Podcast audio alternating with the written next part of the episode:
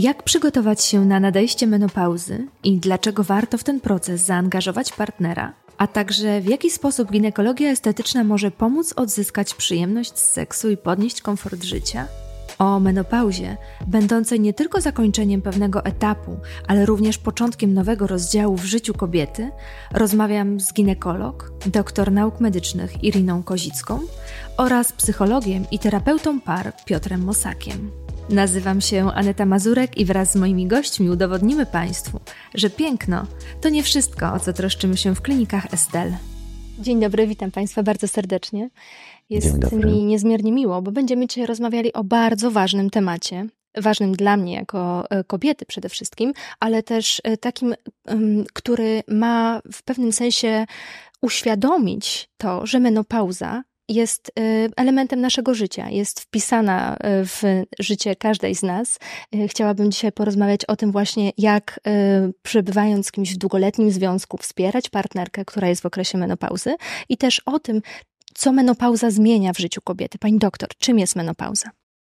Menopauza bądź e, okres przekwitania to jest e, naturalny, fizjologiczny okres każdej kobiety, każdej kobiety, który e, się zaczyna w wieku około 45 do 50, 55 lat. Średnia menopauzy w Polsce to jest około 50-51 i jest to okres według WHO 12 miesięcy bez miesiączki, przy czym musi być to związane z procesem fizjologicznym czyli nie wliczamy w to y, stany po operacjach chirurgicznych. Czyli krótko mówiąc, jest to okres 12 miesięcy y, niemiesiączkowania y, po ostatniej miesiączce. A czy tylko właśnie zaprzestanie miesiączkowania jest dla nas takim symptomem, że rozpoczął się ten proces, czy są jeszcze jakieś inne zwiastuny menopauzy? No ogólnie jest to właśnie okres 12 miesięcy niemiesiączkowania, natomiast y, y, to jest według definicji menopauza. I y, menopauzie towarzyszy okres przed menopauzą, czyli tak zwana perimenopauza, która trwa z reguły kilka, czasami nawet kilkanaście lat i ma też swoje objawy. Jeśli mówimy o objawach miesiączkowania, to w okresie perimenopauzy mamy skrócenie cykli miesiączkowych bądź odwrotnie wydłużenie cykli miesiączkowych. No i takie dyskretne objawy, jak czasami podwyższona potliwość, zaburzenia snu, pogorszenie samopoczucia, obniżenie energii, obniżenie libido, suchość pochwy skóry, suchość śluzówek oraz inne, inne objawy. No właśnie, bo często, pani doktor, pierwsze objawy menopauzy kojarzone są z depresją. Kobiety nie myślą, że zaczynają przekwitać, tylko myślą, że na przykład właśnie mają trudniejszy okres w życiu i to jest związane właśnie z tą chorobą.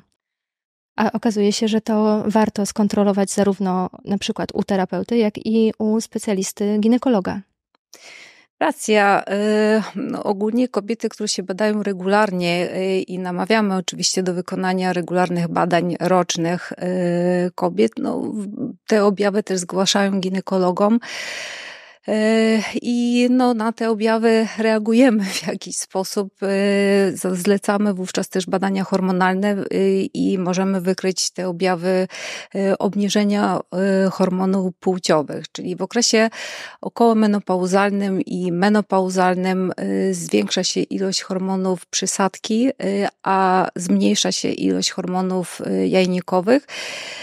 No i właściwie te hormony przysadki pracują coraz y, szybciej, żeby napędzać te jajniki, które mają gdzieś tam swoją rezerwę i w pewnym momencie ta rezerwa się kończy i występuje właśnie ostatnia miesiączka, po czym jest okres 12 miesięcy bezmiesiączkowy i to jest okres menopauzy.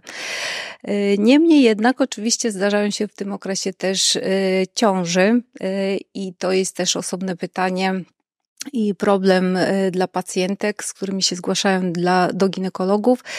E, mianowicie chodzi o antykoncepcję w okresie perimenopauzalnym, e, bo rzadko, ale takie ciąże też mamy. Panie Piotrze, to porozmawiamy teraz właśnie o tym, z jakimi problemami zgłaszają się do terapeuty kobiety, które są właśnie w tym okresie menopauzalnym, bo jak wiemy tutaj kwestie ginekologiczne e, i tych procesów, które zachodzą w naszym ciele, e, to wszystko możemy ustalić ze specjalistą w gabinecie. Natomiast często pozostaje jeszcze kwestia naszej głowy i tego, żeby sobie to wszystko poukładać, bo dla części kobiet może to być okres, e, który kończy pewien etap w jej życiu. Pamiętajmy, że w tym okresie, kiedy są jakieś zaburzenia wewnątrz organizmu, to wpływa na całą osobę. Jesteśmy całością psychofizyczną. I w momencie, kiedy następuje okres menopauzy, kobieta się zmienia, może się zmieniać. Dlatego są różne terapie wspomagające, żeby te, te zmiany były jak najmniej odczuwalne, natomiast faktycznie się zmienia. Może zmienić podejście do rzeczywistości, podejście do wysiłku fizycznego, do pracy, do męża, może mieć mniejszą cierpliwość, może być bardziej drażliwa. I chodzi o coś takiego, że w tym momencie musimy zrozumieć, które czynniki na to wpływają? Czy to fizjologia, czy faktycznie ten mąż się zmieni, już jest naprawdę irytujący, bo się też starzeje i po prostu ona już nie jest w stanie z tym y, starym marudą wytrzymać? I, i, I w tym momencie faktycznie te problemy, które się pojawiają, jeżeli o to pani pyta, to są te problemy z akceptacją siebie nowych, bo my jesteśmy nowi, bo to jest też etap w życiu, który zmienia nasze życie i czy my się do niego dostosujemy i wyjdziemy naprzeciw i jakby poradzimy sobie z tym etapem, czy jednak będziemy e, gdzieś tam chronieni przez to, nie tak miało być, miało być inaczej, byłaś inna, zmieniłaś się, już ciebie nie akceptuję, a ty już nie masz do mnie cierpliwości, odrzucasz mnie i tak dalej. To jest też sprawdzian dla związku, jak my przez to przejdziemy. Ja domyślam się, bo mm, analizując długoletnie związki, też mamy taką świadomość, że zmieniamy się. Często młode pary, y, które wiążą się ze sobą w wieku 22-3 lat, y, inaczej funkcjonują po 20 latach związku. Nawet to nie jest kwestia tego, że się przestaliśmy lubić, tylko każdy z nas być może ma już teraz inne potrzeby, dojrzał do innych wartości. Y, I tak sobie myślę, że to też może silnie oddziaływać na to, jak wyglądają relacje w takim związku. Oczywiście pamiętajmy o tym, że każdy ważny etap może nas zmienić, bo nigdy wcześniej w, w, tym etapie, w tym momencie życia nie byliśmy. To jest skończenie studiów, to jest nowa praca, to jest zmiana pracy, to jest zmiana mieszkania, to jest budowanie domu, to jest pojawienie się dzieci i tak samo menopauza jest kolejnym ważnym elementem naszego życia, w którym wszystko się zmienia. Mhm. No właśnie, pani doktor, czy kobiety akceptują te zmiany, czy rzeczywiście widzi Pani w swoim gabinecie, że dla nich to jest przejście i to jest rozpoczęcie nowego, lepszego etapu, bo właśnie na przykład przez lata borykały się z bardzo trudnym, bolesnym okresem, miały problemy z narządami, często ulegały infekcjom i jakby to ich życie seksualne też cierpiało właśnie przez tego typu sytuacje? Z reguły są przerażone i to jest taki pierwszy etap, jak przychodzą i pytają, czy to już. E, I nawet kobiety w okresie perimenopauzy, miesiączkujące, ale mające właśnie te dyskretne objawy menopauzalne, przychodzą i pytają, czy ja już jestem w menopauzie. Mówię, że no nie jest pani, dlatego że pani miesiączkuje, więc siłą rzeczy nie jest pani w menopauzie. Ale to jest pierwsze, pierwsza emocja, to jest strach. E, I ten strach jest związany podejrzewam, że ze starzeniem się i z, automatycznie z brakiem akceptacji społeczeństwa, prawda? Bo nasze społeczeństwo w tej chwili dąży za jakimiś kanonami takiej, a nie innej urody, młodości, ciała i tak dalej. I kobiety, zwłaszcza w pewnym wieku, zaczynają mieć problemy z z własną tożsamością i podejrzewam, że też to jest właśnie y, powód, dlaczego się zgłaszają do psychologów, czy, czy miałyby się zgłaszać też do, do, do psychologów, do psychoterapeutów, dlatego że to jest taki, jakby to było częściowo śmierć, nie? Czy to już i czy ja już się do niczego nie nadaję, czy ja już niczego nie będę mogła.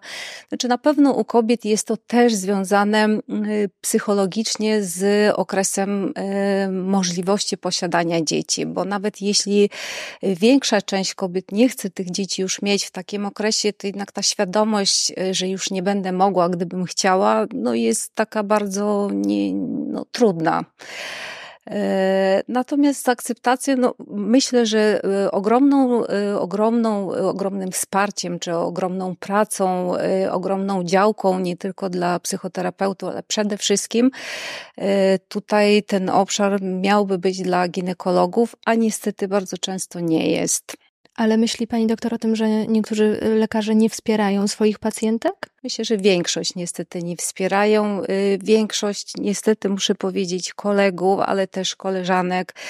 Już pomijam, że jesteśmy zabiegani, mamy mało czasu w gabinetach i to jest tak, no to już, no to już, no jest pani w menopauzie i koniec, prawda? I nie ma nie ma rozmowy z taką pacjentką, nie ma też e, rozmowy o e, stylu życia, o profilaktyce, o profilaktyce schorzeń, których się pojawia coraz więcej, o zmianach metabolicznych. I to wszystko jest ogromna działka, która powinna być zagospodarowana, ale siłą rzeczy, że mamy mało czasu, ona jest nadal, nadal dziewicza w tym, w tym, w tym obszarze. I właśnie pacjentki są przerażone, bo one, one są w nowej sytuacji y, nikt z nimi nie rozmawia, nikt je nie kieruje, nikt nie mówi, że to jest norma też, tylko że to życie będzie też piękne, tylko będzie inne. Y, I no niestety. Pani doktor, a jak e, specjalista, jak e, lekarz ginekolog może pomóc kobiecie przejść przez ten okres? E, nie myślę tutaj tylko o samej farmakologii, ale właśnie na przykład o odpowiednim skierowaniu do specjalistów, którzy mogą też przede wszystkim pomóc głowie, bo myślę, że tak jak powiedział pan Piotr, to wszystko dzieje się w głowie i automatycznie przechodzi na funkcjonowanie naszego ciała. I odwrotnie, nasze ciało silnie oddziałuje na to, jak się zachowujemy i co myślimy. Znaczy, no u nas y, profilaktyka, ogólnie w polskiej medycynie profilaktyka jest mało rozwinięta i to dotyczy praktycznie wszystkich schorzeń, o czym mówił też pan doktor Jakubowski niedawno, prawda? To nie jest tylko profilaktyka nowotworów, natomiast to jest właśnie profilaktyka zmian metabolicznych, y, profilaktyka otyłości, profilaktyka osteoporozy, jeśli y, dotyczy menopauzy. No i właśnie jako jeden z objawów stanów depresyjnych, tak jak my o tym mówimy y, potocznie oczywiście, prawda, czyli to obniżony nastrój, y, podwyższona nerwowość, taki brak akceptacji swojego ciała, to, to jest y, powód, żeby taką pacjentkę skierować czy ukierunkować na psychoterapię jak najbardziej. Natomiast jeśli chodzi o profilaktykę, no to wiadomo, że w wieku starszym, średnim, w okresie menopauzy pojawiają się na przykład cukrzyca, w związku ze zmianami metabolicznymi, osteoporoza w związku z obniżonym poziomem hormonów, zmiany skórne w związku z też z obniżonym poziomem hormonów. I to wszystko wymaga konsultacji też odpowiednich e, specjalistów. Natomiast uważam, że głównym e, takim dowodzącym osobą, która powinna być zawsze obok, która nie krytykuje, która wspiera, która tłumaczy, e, pomaga, to jest ginekolog. Panie Piotrze, porozmawiamy o tym właśnie, jak trafi do e, gabinetu specjalisty kobieta z takim wskazaniem, z rozpoznaniem, że to e, już rozpoczął się okres e, menopauzy, to czy jako specjalista może Pan polecić jakieś działania, jakieś, jakąś metodykę postępowania z własnym umysłem, żeby poczuć się lepiej? To, co pani doktor powiedziała, jest bardzo ważne, że w okresie, kiedy pojawia się menopauza lub pewne wcześniejsze reakcje organizmu i zmiany w organizmie, e, kobieta traci poczucie własnej wartości. Bo jednak u nas w kraju, albo w tej naszej kulturze zachodniej, kobieta definiuje się poprzez jej możliwości, też przez rozrodczość. I czy ona chce dzieci, tak jak pani doktor powiedziała, czy nie, to jednak jestem w pełni kobietą. I kiedy dociera do mnie, że faktycznie zaraz gdzieś stracę tę możliwość rozrodczości, to tak jakbym traciła co najmniej połowę siebie. Pani doktor powiedziała, jaki, jakiś jest rodzaj e, takiej śmierci kobiecości, bo też definiujemy kobiecość przez to, że kobieta właśnie może urodzić dziecko, mężczyzna nie, więc to jest ta kobiecość, czyli kobiety boją się utraty tej kobiecości. I kiedy partner nie wspiera w tym, że nadal jest tą wspaniałą, piękną kobietą, w której się zakochał i ona z tym zostaje sama, no to dzieją się różnego rodzaju problemy. Dlatego ja wcześniej powiedziałem, że dopiero w połowie menopauzy ona się cieszy, że to się kiedyś skończy. Natomiast na początku faktycznie jest to jakiś rodzaj tragedii, e, co myślałam, że mi, mnie się nie zdarzy.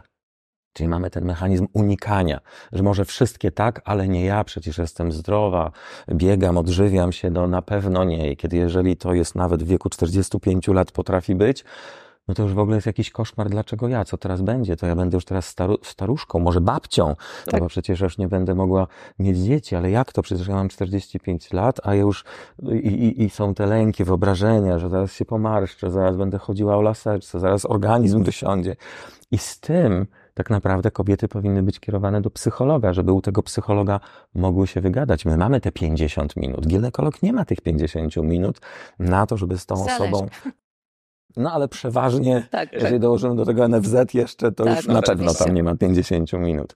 Żeby mogła się chociażby wygadać i porozmawiać. I my mamy tę wiedzę. Psycholog dzisiaj tak naprawdę, ja udzielam porad prawnych, porad le leczniczych, dietetycznych, lekarskich, tak zawsze mówię, tak to jest, bo czytam różne rzeczy, proszę to skonsultować ze specjalistą, bo ja nie jestem specjalistą, e, nie wiem, ginekologiem, ale może być to, może być to, może być to. Bardzo proszę iść sobie zrobić, zrobić sobie badanie takie czy inne, czyli tak, żebyśmy my wszyscy współpracowali. W Polsce tej współpracy jest bardzo mało. Więc ta kobieta, jeżeli się zgłasza do psychologa, to przede wszystkim dostaje akceptację, że wszystko jest ok. Taka jest historia życia i świata to nie jest choroba. To jest po prostu etap naszego życia. To jest normalne i to zakończy się czymś fajnym. My też pokazujemy, że są pozytywne aspekty tego. Jeżeli pojawia się ten lęk na początku i na przykład nie było ciąży, to też mówimy, co możemy zrobić, iść do ginekologa, o czym porozmawiać, jakie jeszcze są szanse, jakie są możliwości, czy na przykład mrożenie jajeczek, jeżeli nie ma e, jakby jeszcze e, e, przeciwwskazań medycznych, a są jakieś plany, może jakieś in vitro, może coś, póki jest możliwość, czyli tak, okej, okay, a teraz się zastanówmy, co z tym zrobić. Psycholog uspokaja. Nie ma tra- tragedii, jest to normalne. Chodzi o coś takiego, że uczymy, żeby patrzeć na siebie, że, że to jest kolej rzeczy, że dzięki temu ja jestem dojrzalsza, że dzięki temu wchodzę w nowe etapy życia, czyli jakby następuje pewien proces. I tak naprawdę też odnosimy się do tego współczesnego świata, bo tu jest ten, to ujemne działanie, że każą nam wyglądać młodo, ale z drugiej strony też pokazujemy, jak kobiety przepięknie się starzeją, jak dzisiaj faktycznie po menopauzie ma się wrażenie, że zatrzymują się i dalej już to starzenie nie jest takie widoczne, więc wyglądają na kobiety dojrzałe w średnim wieku. Czy kobieta ma 50, czy 60, czy 65, potrafi się ten czas dla nich zatrzymać. Więc ten psycholog wspiera w tym takim poczuciu własnej wartości i też często prosi o to, żeby pojawił się partner, żeby pojawili się razem, żeby jego też nauczyć, co on może, a tak naprawdę, żeby nie robił niczego, co będzie jej przeszkadzało przechodzić i żeby się nie czepiał i żeby po prostu był pod ręką i był akceptujący i wyrozumiały. I to jest bardzo ważne. I tutaj nie ma żadnej cudownej metody, tylko chodzi o takie akceptację tego stanu i zrozumienie, że to nie jest nic złego, nie jest to żadna choroba, a generalnie jak to się skończy, te wszystkie huśtawki emocjonalne i temperatury, wszystko, to nawet będzie lepiej. Pani doktor, uspokój mnie, to się kiedyś kończy. E, no jest postmenopauza. Po menopauzie jest postmenopauza. Miało być dobrze. Wyszło jak zwykle. Ale się kończy. Wszystko kiedyś się kończy.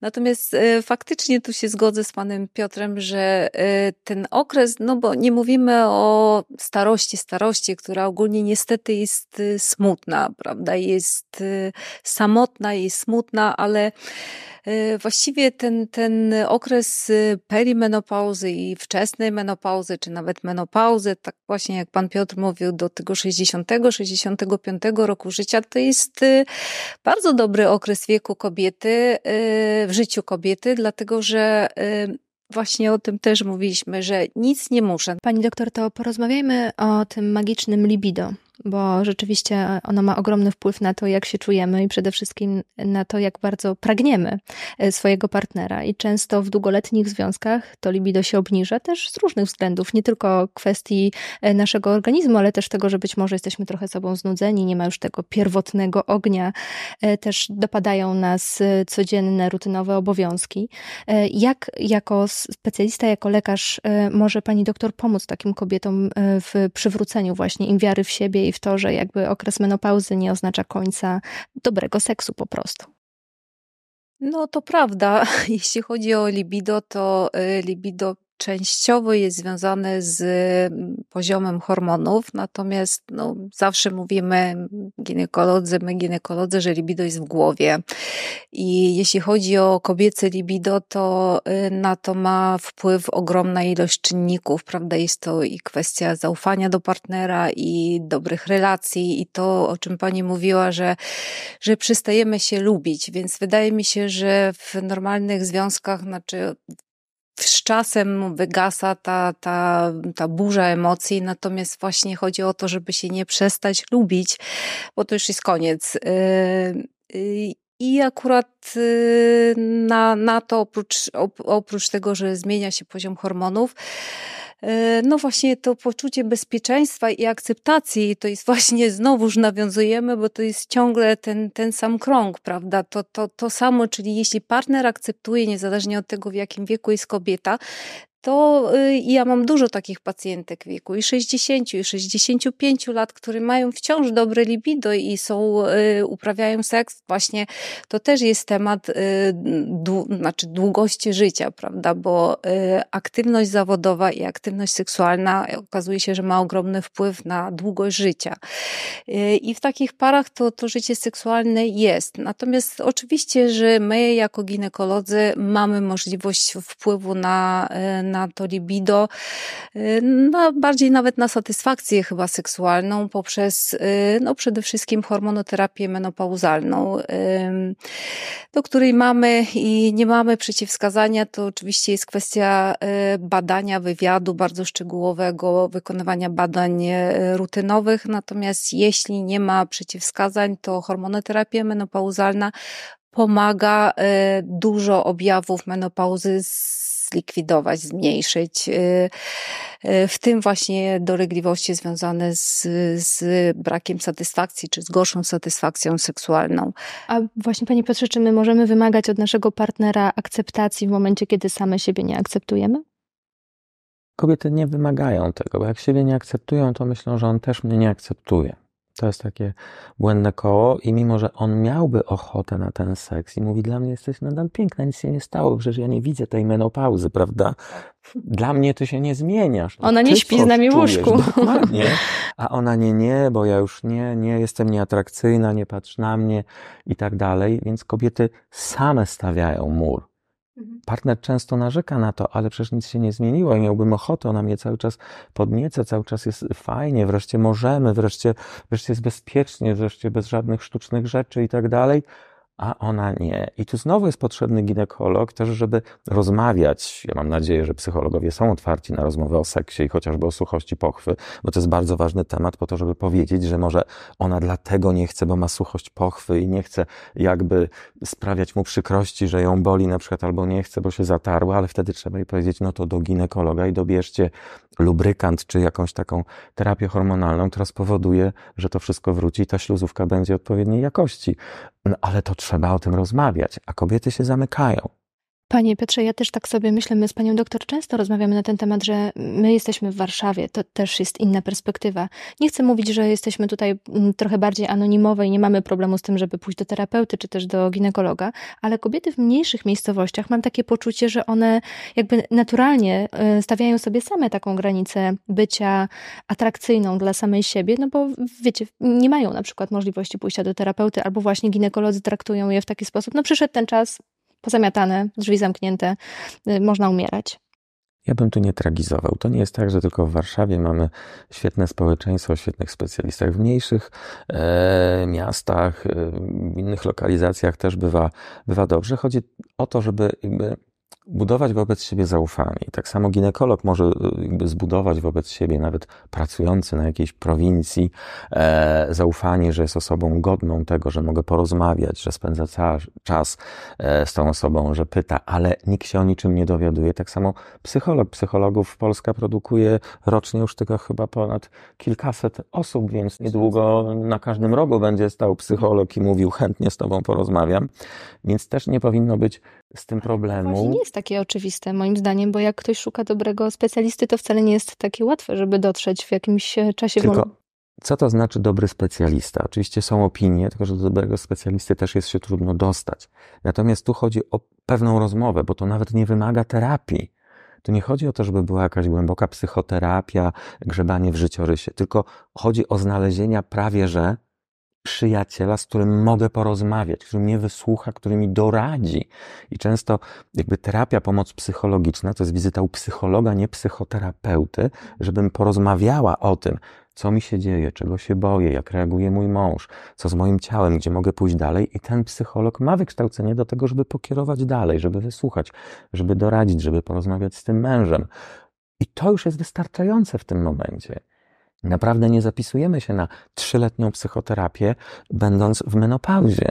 Ale chcę powiedzieć, że y, obserwuję pokolenie mojego syna. To są dzieci kończące szkołę podstawową, rozpoczynające liceum, i dla nich czymś naturalnym jest to, że konsultują się ze specjalistami, no nie? Teraz nawet takie trochę fancy jest posiadanie własnego Zmienia się świadomość. terapeuty. Natomiast y, rozmawiamy tutaj o kobietach y, około 60-letnich, y, które właśnie całe często swoje życie poświęciły wychowaniu dzieci, rodzinie. Nigdy w ich świadomości nie dopuszczały tego miejsca, żeby zadbać o samą siebie. Też często spotykamy się tutaj w klinice z takimi przypadkami, że kobieta trafia do nas w wieku 60-65 lat po raz pierwszy bo y, właśnie odkryła w sobie taką potrzebę, żeby wreszcie zadbać o siebie. I zmierzam właśnie do tego, że e, w momencie, kiedy dojrzewamy do pewnych decyzji, to czasami wydaje się nam, że już być może jest za późno i nie warto zaczynać. Dlatego trzeba mówić, że psycholog Zwykły psycholog ma wykształcenie akademickie oraz doświadczenie, jeżeli ma więcej niż te 23 lata czy 25, chociaż taki też może być bardzo interesujący w rozmowie, do tego, żeby porozmawiać, żeby od niego zacząć, żeby się dowiedzieć, co się ze mną dzieje, czy są jakieś wskazania do dalszej pracy? Może są wskazania do psychoterapii na przykład, bo coś wyszło w tym okresie e, menopauzalnym takiego, że no, mam potrzebę nagle zmieniać życie, rozwodzić się, wyjeżdżać na koniec świata. To może wynikać z moich potrzeb, ale może z moich traum albo z moich jakichś przeżyć. I być może psycholog powie, że jest faktycznie wskazanie do psychoterapii, ale nie bójmy się psychologa. Idźmy, bo psycholog ma nas wysłuchać, ma nam podpowiedzieć, co mogę ze sobą zrobić. To jest jakby doradca taki życiowy, że gdzieś stanęliśmy na jakimś rozdrożu, nie mamy wokół siebie osób, nie mamy specjalistów z kimś porozmawiać. I to może być naprawdę psycholog, który jest w danej miejscowości lub niedalekiej.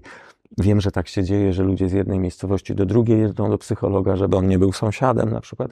Okej, okay Wszyscy poruszamy się samochodami. Naprawdę w ciągu pół godziny po całej Polsce, jak jeździmy, możemy trafić do jakiegoś psychologa i po prostu z nim porozmawiać. Zrzucić z siebie ten ciężar lęku, niepokoju, że nie wiem, co ze sobą zrobić. I ten psycholog pomoże. No właśnie rozmawiając o takim lęku e, przed zbliżeniem e, z partnerem, pani doktor, e, mam tutaj na myśli ten ból fizyczny, który często niestety jest powinowactwem źle przeprowadzonego porodu, czy też innych sytuacji, które miały miejsce. Jak lekarze mogą pomóc złagodzić te odczucia, które są takie niekomfortowe właśnie w czasie zbliżenia? Jeszcze tylko wrócę na chwilkę do, do tematu, bo to przeplatamy. Właśnie y, temat y, poradnictwa i edukacji. I właściwie faktycznie Polska nie jest tak dużym krajem i te pacjentki przyjeżdżają zewsząd.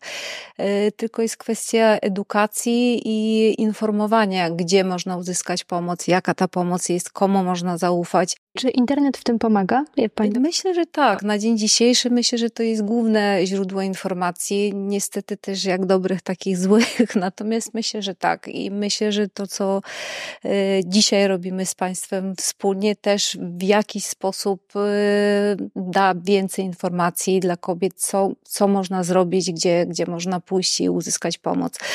Wracając do, do e, wieku menopauzalnego, a mm, satysfakcji seksualnej, dolegliwości bólowych. Znaczy, my jako ginekolodzy, ginekolodzy też no, ja mówię o sobie, prowadzę takie poradnictwo też, jaka, jaki ma być styl życia, jaka musi być dieta, y, jaka musi być suplementacja, bo tak jak pan Piotr mówił, że organizm jest jednym całym, prawda, i nie da się odłożyć osobno głowy, osobno y, genitalium, osobno, osobno i innych części ciała, to wszystko jest mocno związane i, y, i czynniki środowiska, i dieta, i suplementacja, i właśnie nastawienie dobre, pozytywne do życia, życia ma na to wpływ.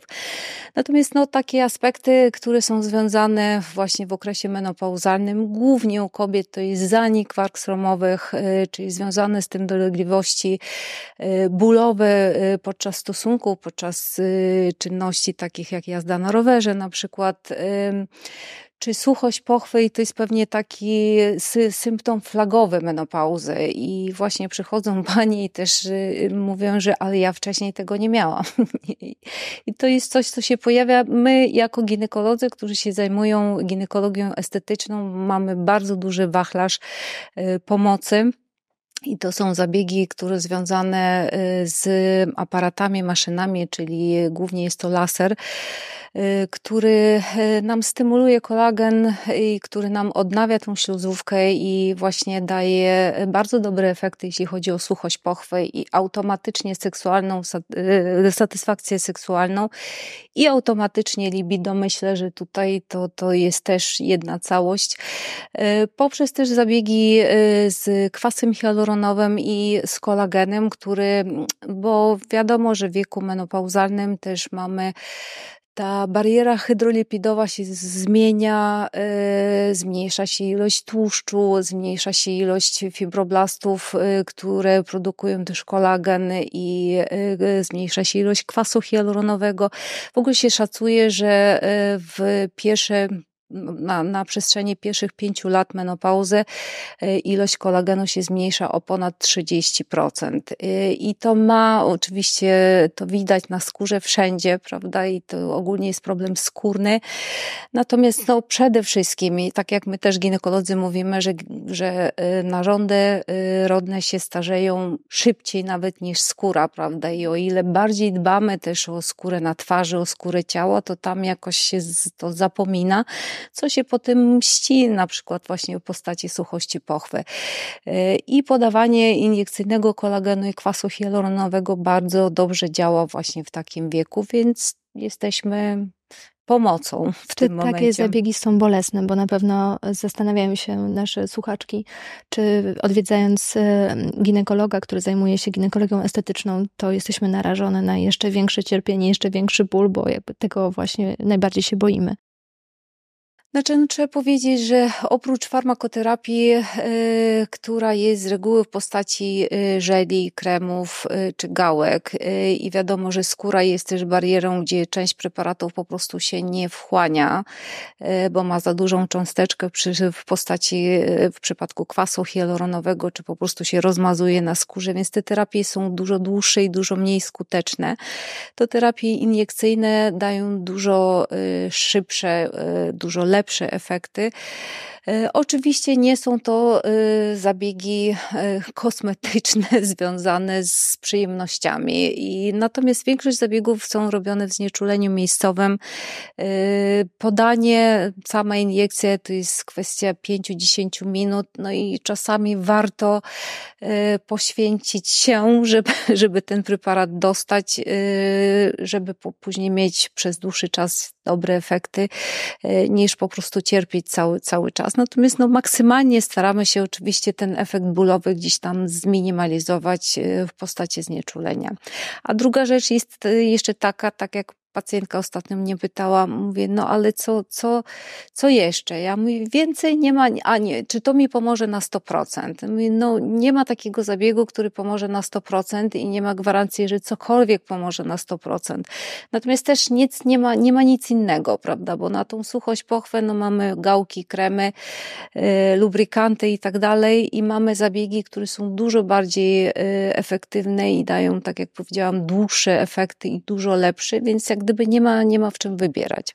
To ja chciałam teraz zapytać o to, co kiedy w tym okresie u kobiety pojawia się nowa miłość?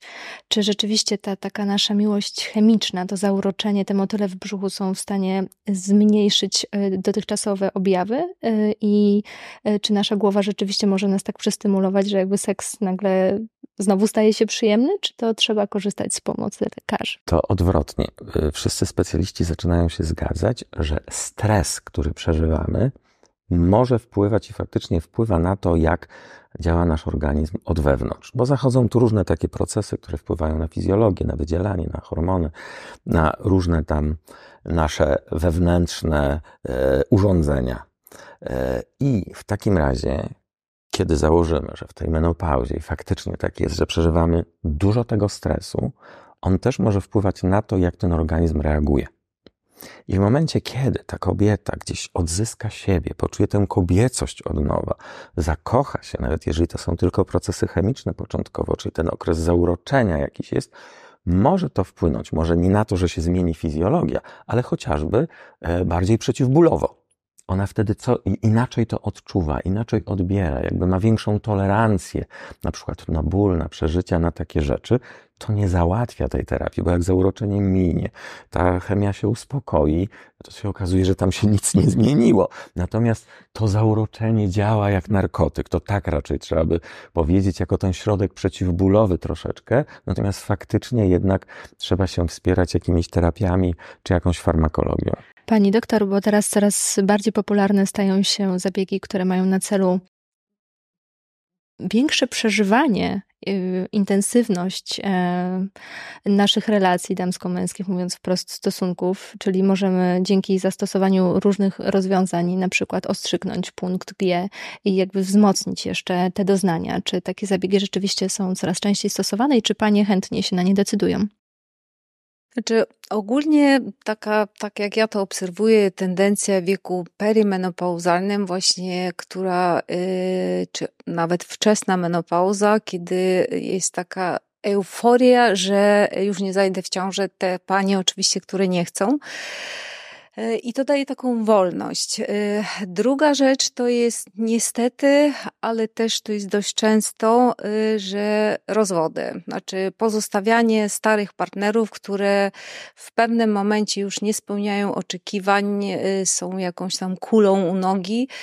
I właśnie to zakochiwanie się czy poszukiwanie nowych partnerów. I no właśnie trzeba powiedzieć, że kobiety, bo y, mówi się, endokrynolodzy mówią i lekarze, którzy się zajmują medycyną, y, znaczy medycyną przeciwstarzeniową, mówią, że dzisiejsze 50-latki y, to wcześniejsze 40-latki, prawda, i tak dalej, i tak dalej, że ten proces starzenia się dzięki nie mówimy tutaj o wcześniejszym wygasaniu, na przykład, y, czy wcześniejszej utracie, która niestety w związku chyba ze stresem, y, z trybem życia, z zanieczyszczeniem środowiska jest właśnie ta utrata płodności, y, być może jest wcześniejsza niż to było kilka lat temu.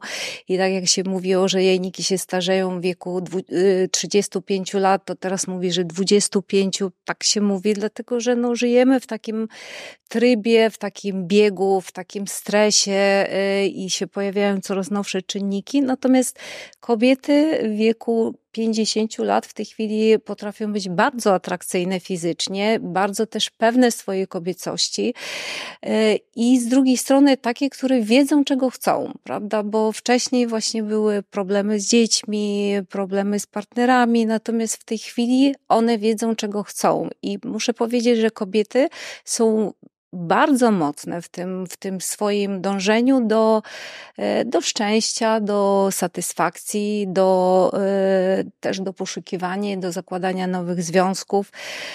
E, I tak, oczywiście, one są świadome, czytają, jest dużo w tej chwili w internecie informacji, dużo też w tych gazetach, nie tylko kobiecych, e, ale też rozmawiają w swoich gronach właśnie o nietrzymaniu moczu, jeśli ktoś ma, co z tym można zrobić, o poprawie e, satysfakcji seksualnej i tutaj jak najbardziej robimy dość dużo zabiegów, e, które są w stanie, znaczy pytanie, kto czego oczekuje, jaki, znaczy ten dobór zabiegów jest indywidualny, natomiast y, są takie kobiety, które przychodzą y, i świadomie wiedzą, czego chcą, prawda? I to jest właśnie ten G-shot czy O-shot, one mają informacje na ten temat, mają przekonanie, że to działa i bardzo dobrze. Ja to bardzo, bardzo, y, no, bardzo jestem za, za takim postępowaniem, za taką postawą. Czy Panie Piotrze, Pan też ocenia, że jesteśmy coraz bardziej świadome swoich potrzeb, możliwości, tego, co możemy właśnie, czego możemy oczekiwać od życia jako kobiety? Oczywiście, że tak, bo mamy dostęp, tylko nie każdy szuka lub nie tego, co trzeba, lub niektórzy szukają tylko powierzchowności wyglądu. Te bardziej świadome osoby, i tych jest, miejmy nadzieję, coraz więcej, jakby doświadczają tego, że mogą się o sobie więcej dowiedzieć. I na przykład kobiety w okresie e, menopauzy lub po menopauzie e, odkrywają wreszcie swoją seksualność, bo na przykład były zdefiniowane jako matki. I nagle ja już nie muszę się definiować jako matka, wreszcie jestem kobietą, taką stuprocentową kobietą, która wie, czego chce, wie, do czego służy jej ciało, wie, że to ciało tylko, nie tylko służy innym, ale też służy mnie. Do tego, żebym żyła, żebym przeżywała, żebym miała seks, żebym miała podróże. No przecież rozwinięta na świecie jest nawet turystyka seksualna, gdzie bardzo często to kobiety wyjeżdżają po to, żeby wreszcie mieć fajny seks. Natomiast no, do tego nie namawiamy, bo nie o to tu chodzi, bo to też jest niebezpieczne zdrowotnie. Natomiast chodzi Ale o coś dla takiego... mężczyzn już nie, nie? No, nie mówimy to mężczyznach, oni robią też różne głupoty i też nie popieramy i nie namawiamy. Natomiast chodzi o to, że wreszcie kobieta, jeżeli jest świadoma, czyta, rozmawia z ginekologiem, wykształconym, świadomym, z psychologiem, wreszcie może poczuć się takim wolnym człowiekiem, człowiekiem w pełni, który korzysta z tego życia i z całego swojej, z całej swojej fizjologii, ze swojej głowy, ze swojego świata. I to, o czym pani doktor mówiła, to pozostawianie tych mężczyzn często wiąże się z tym, że ci mężczyźni nie dotrzymują kroku. I nie to, że on musi, nie wiem, iść na kolejne studia i tak dalej, tylko dlatego, że on po prostu gdzieś tam leży w tym fotelu, już mu się nie chce. Nie chce mu się jechać na wakacje, nie chce mu się zrzucić tego brzucha, nie chce mu się e, zdrowej diety prowadzić. No i, a ona chce, ona wreszcie ma energię, ona wreszcie czuje, że ona może i, i że chciałaby, no i, no i nie ma z kim. I dlatego może dochodzić do rozwodów, do rozstań lub do poszukiwania jakby atrakcji w tym życiu, czy nowej miłości, czy człowieka, z którym będę mogła dalej to atrakcyjne życie prowadzić. Pani doktor, mm, zauważam taką tendencję, że jak kobieta zachodzi w ciążę, to mąż bardzo chętnie towarzyszy jej podczas wizyt y, u ginekologa, ogląda e, na ultrasonografii swoje dziecko i towarzyszy partnerce, często zadaje dużo więcej pytań niż partnerka. A czy zauważa Pani, że w momencie, kiedy kobieta wkracza w e, erę menopauzy, to mężczyźni również towarzyszą, czy w ogóle się... Nie, te... absolutnie nie. Ich z reguły już nie ma tych mężczyzn. Znaczy, niestety to już inny zupełnie temat i to znowuż do, do pana Piotra, bo e, to jest temat relacji ludzkich, które są płytkie, które są powierzchowne i, i y, właśnie wydaje mi się, że jeśli para lubi się i faktycznie się wspiera, to ona sobie towarzyszy i pomaga zawsze. Natomiast w tej chwili, zresztą jeśli chodzi o te młode kobiety, to jest dużo pacjentek, które mają złe gojące się krocza, które nie mogą współżyć po porodzie i takich pacjentek mam teraz gro. E, one są w trakcie rozwodu już, w krótkim okresie po, po porodzie, bo nie może współżyć, bo się nie czuje atrakcyjna, bo nie może siedzieć, bo karmi i tak dalej. Natomiast to jest, no to, to jest problem zupełnie inny. Jeśli chodzi o towarzyszenie kobiecie w menopauzie, w gabinetach ginekologicznych, tego nie ma, absolutnie. Bo ja zauważam taki trend, przynajmniej e, wiecie, w internecie, że często słyszy się o tym, że fajnie jak para współpracuje w tym okresie, tak? Że mężczyzna też słyszy opinię specjalisty, lekarza, co się dzieje z jego kobietą e, i traktuje to jako wskazówki do tego, jak ma z nią postępować. Właśnie chodzi o, też o tę akceptację. Mężczyźni często obwiniają kobiety w tym, że to jest ich problem, ich wina to jest, świat jest taki, jaki jest i to tu niestety... się muszę wtrącić. Tak, ale druga część to są kobiety, które mówią nie interesuj się. Też. Bo też, też. tak jest. Też tak jest. Jakby tak. to też wpływa na tą relację. Bo, czy pani doktor się ze mną zgodzi? Tu chodzi o tą edukację. Tak. Że nawet jeżeli kobieta przeżywa i była u ginekologa, nie opowiada mu, nie mówi mu, słuchaj, właśnie się dowiedziałam, że będzie tak, będzie tak, będzie tak. Mężczyźni często, zwłaszcza jeżeli to jest w tym e, wcześniejszym okresie, mający po 40-40 kilka lat, pamiętajmy, że mężczyzna dlatego wcześniej umiera i nie leczy się, bo on myśli, że jest supermenem. Bo mężczyzna nie ma kontaktu z fizjologią. Kobieta przez to, że ma miesiączki, no ona wie, że ona jednak jest pewną całością fizjologiczną i się boryka od tego nastoletniego roku życia. Natomiast mężczyzna nie, on jest superman. Jemu się nic nie dzieje, on nie ma bebechów. Więc ta kobieta musi go edukować i wszyscy lekarze powinni mu mówić, wzywać sobie tego mężczyznę. Mnie się zdarza wzywać tą drugą stronę i powiedzieć, bo musimy z nim porozmawiać, żeby do niego dotarło że jednak człowiek jest bardziej skomplikowany niż nam się wydaje i nie jest ubrany tylko w skórę i w garnitur, ale tam w środku też dzieją się pewne rzeczy. Dlatego tej edukacji nie ma. I te kobiety, które mówią nie interesuj się, robią wielki błąd, ale ci mężczyźni, którzy mówią to jest twój problem, robią taki sam błąd. To niszczy związek, bo my powinniśmy wiedzieć, co się z nami dzieje. Powinniśmy w tym towarzyszyć, żeby też wiedzieć, jak reagować, jak sobie odpuścić, ale też jak się nie przejmować i nie mieć poczucia winy bo to są naturalne procesy. Oczywiście. Ja też y, zauważam, y, mam y, syna w ósmej klasie i jakby temat seksualności jest y, u nas na topie, bo y, przynosi nam do domu różne informacje, ale też y, właśnie zwrócił mi ostatnio uwagę na to, że ma kolegę, który jest jedynakiem i dla niego nienaturalne wydaje się to, że kobieta ma okres, że dziewczynki mają okres w ogóle. A przez to, że moje dziecko wychowuje się ze mną, wychowuje się ze swoją siostrą, dla niego jakby naturalne jest to, że kobieta właśnie przeżywa taki czas w miesiącu. Jest to, myślę, kwestia też tego, jak wychowani są mężczyźni, z czym wychodzą z domów, bo czasami Edukacja matki nie seksualna to to jest kolejny tak. dobry na cały podcast. Oczywiście, że tak, temat, tak. Więc... Ale w domu to powinno być. Ja mam dwie córki i syna i jest, uwaga, bo gotuję zupę z mojego kubeczka menstruacyjnego, podaj mi podpaski. Jakby to jest, to leży w domu, to się dzieje na zewnątrz, to jakby nie jest żadna tajemnica. To te 30, 40 może lat temu to była tajemnica, że kobieta jakby chowała tą swoją fizjologię, nawet nie seksualność, fizjologię, że Boże, jak dziecko znalazło podpaski, no to co to? No normalne, wtedy edukujemy, rozmawiamy, jak to wygląda. No, jesteśmy ludźmi, mamy o sobie wiedzieć, a nie tylko z siebie korzystać. Ale wystarczy powiedzieć, że przychodzą dorosłe kobiety, które mówią, że mi się to nie podoba. Ja mówię, ale co to? To mi się nie podoba. One nie mają świadomości też fizjologii, bo nikt je tego nie nauczył i nie ma, i to jest też straszne. One nie wiedzą w ogóle, co, znaczy takich zwykłych wiadomości na temat własnej fizjologii. I to jest i kwestia szkoły, i kwestia też ginekologów przede wszystkim, y, bo no, znowu jesteście, jesteśmy w punkcie wyjścia, gdzie, gdzie Dalej nie wiemy, co z tym zrobić, bo nie wiemy, jaka jest fizjologia, prawda? Na każdym etapie naszego nie życia. Nie pamiętam dokładnie wyników, więc trochę to będzie żartem, ale 10-15 lat temu były badania, pytano mężczyzn, czy mają prostatę. Mhm. Połowa badanych odpowiedziała, nie jestem zdrowy.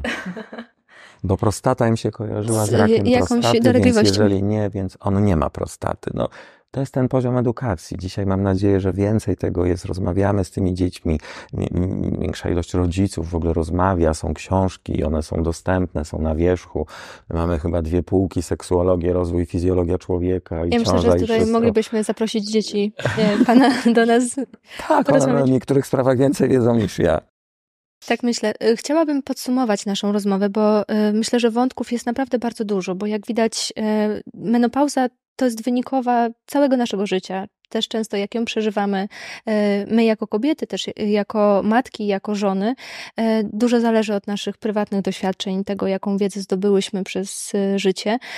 Chciałabym tutaj poruszyć tę kwestię, że warto rozmawiać ze specjalistami. Trzeba się otworzyć na rady osób, które są doświadczone w tym temacie i po prostu nie bać się pytać. Pytać o nasze zdrowie przede wszystkim, o to, jak możemy sobie pomóc. Poczujmy się humanistami, czyli z hasłem jestem człowiekiem i nic co ludzkie nie jest mi obce, więc mam prawo pytać każdego o wszystko. Dzieci mają prawo nas pytać, Oczywiście może być cały podcast o tym, jak odpowiadać pięciolatkowi. Na przykład mamy prawo pytać lekarza, mamy prawo pytać psychologa, mamy prawo pytać wszystkich, bo to jest bardzo ważne. Musimy być zainteresowani swoim życiem, swoim ciałem, tym, co tam się w środku dzieje.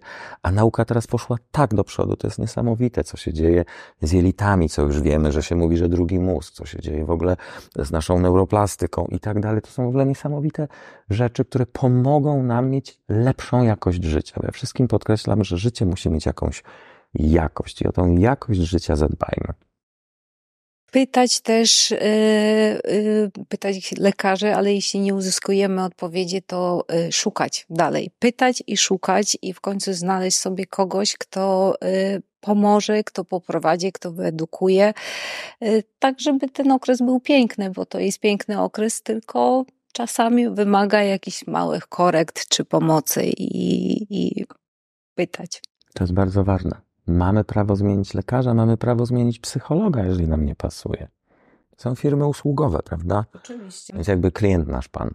Tak, to my jesteśmy dla pacjentów, tak. dla klientów, a nie oni są dla nas, prawda? I czasami panie przychodzą, są zażenowane, boją się, nie chcą rozmawiać, a potem wychodzą i mówią, że to jest takie proste, prawda? Ale też jest apel z kolei do kolegów i koleżanek, żeby też pytać panie, jakie są problemy, bo, bo no, wie pani, mnie nigdy, ja chodzę 25 lat do ginekologa, czy już te, co mają też swój wiek, 45, 50, mnie nikt mnie o to nie zapytał, no bo też jak mamy te 5 minut, albo nie chcemy wiedzieć, to jest też proste, nie chcemy wiedzieć, nie pytamy.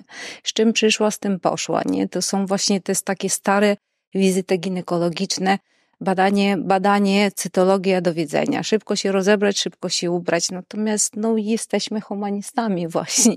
Musimy e, być dla ludzi, dla kobiet. Życzymy w takim razie Państwu dużej otwartości, zadawania pytań, e, otrzymywania na nie odpowiedzi i dobrej jakości życia. Bardzo dziękujemy. Dziękuję. Dziękujemy. Zabiegi z odcinków. Rewitalizacja okolic intymnych za pomocą lasera. Zabieg wypełniania warg sromowych z użyciem kwasu hialuronowego.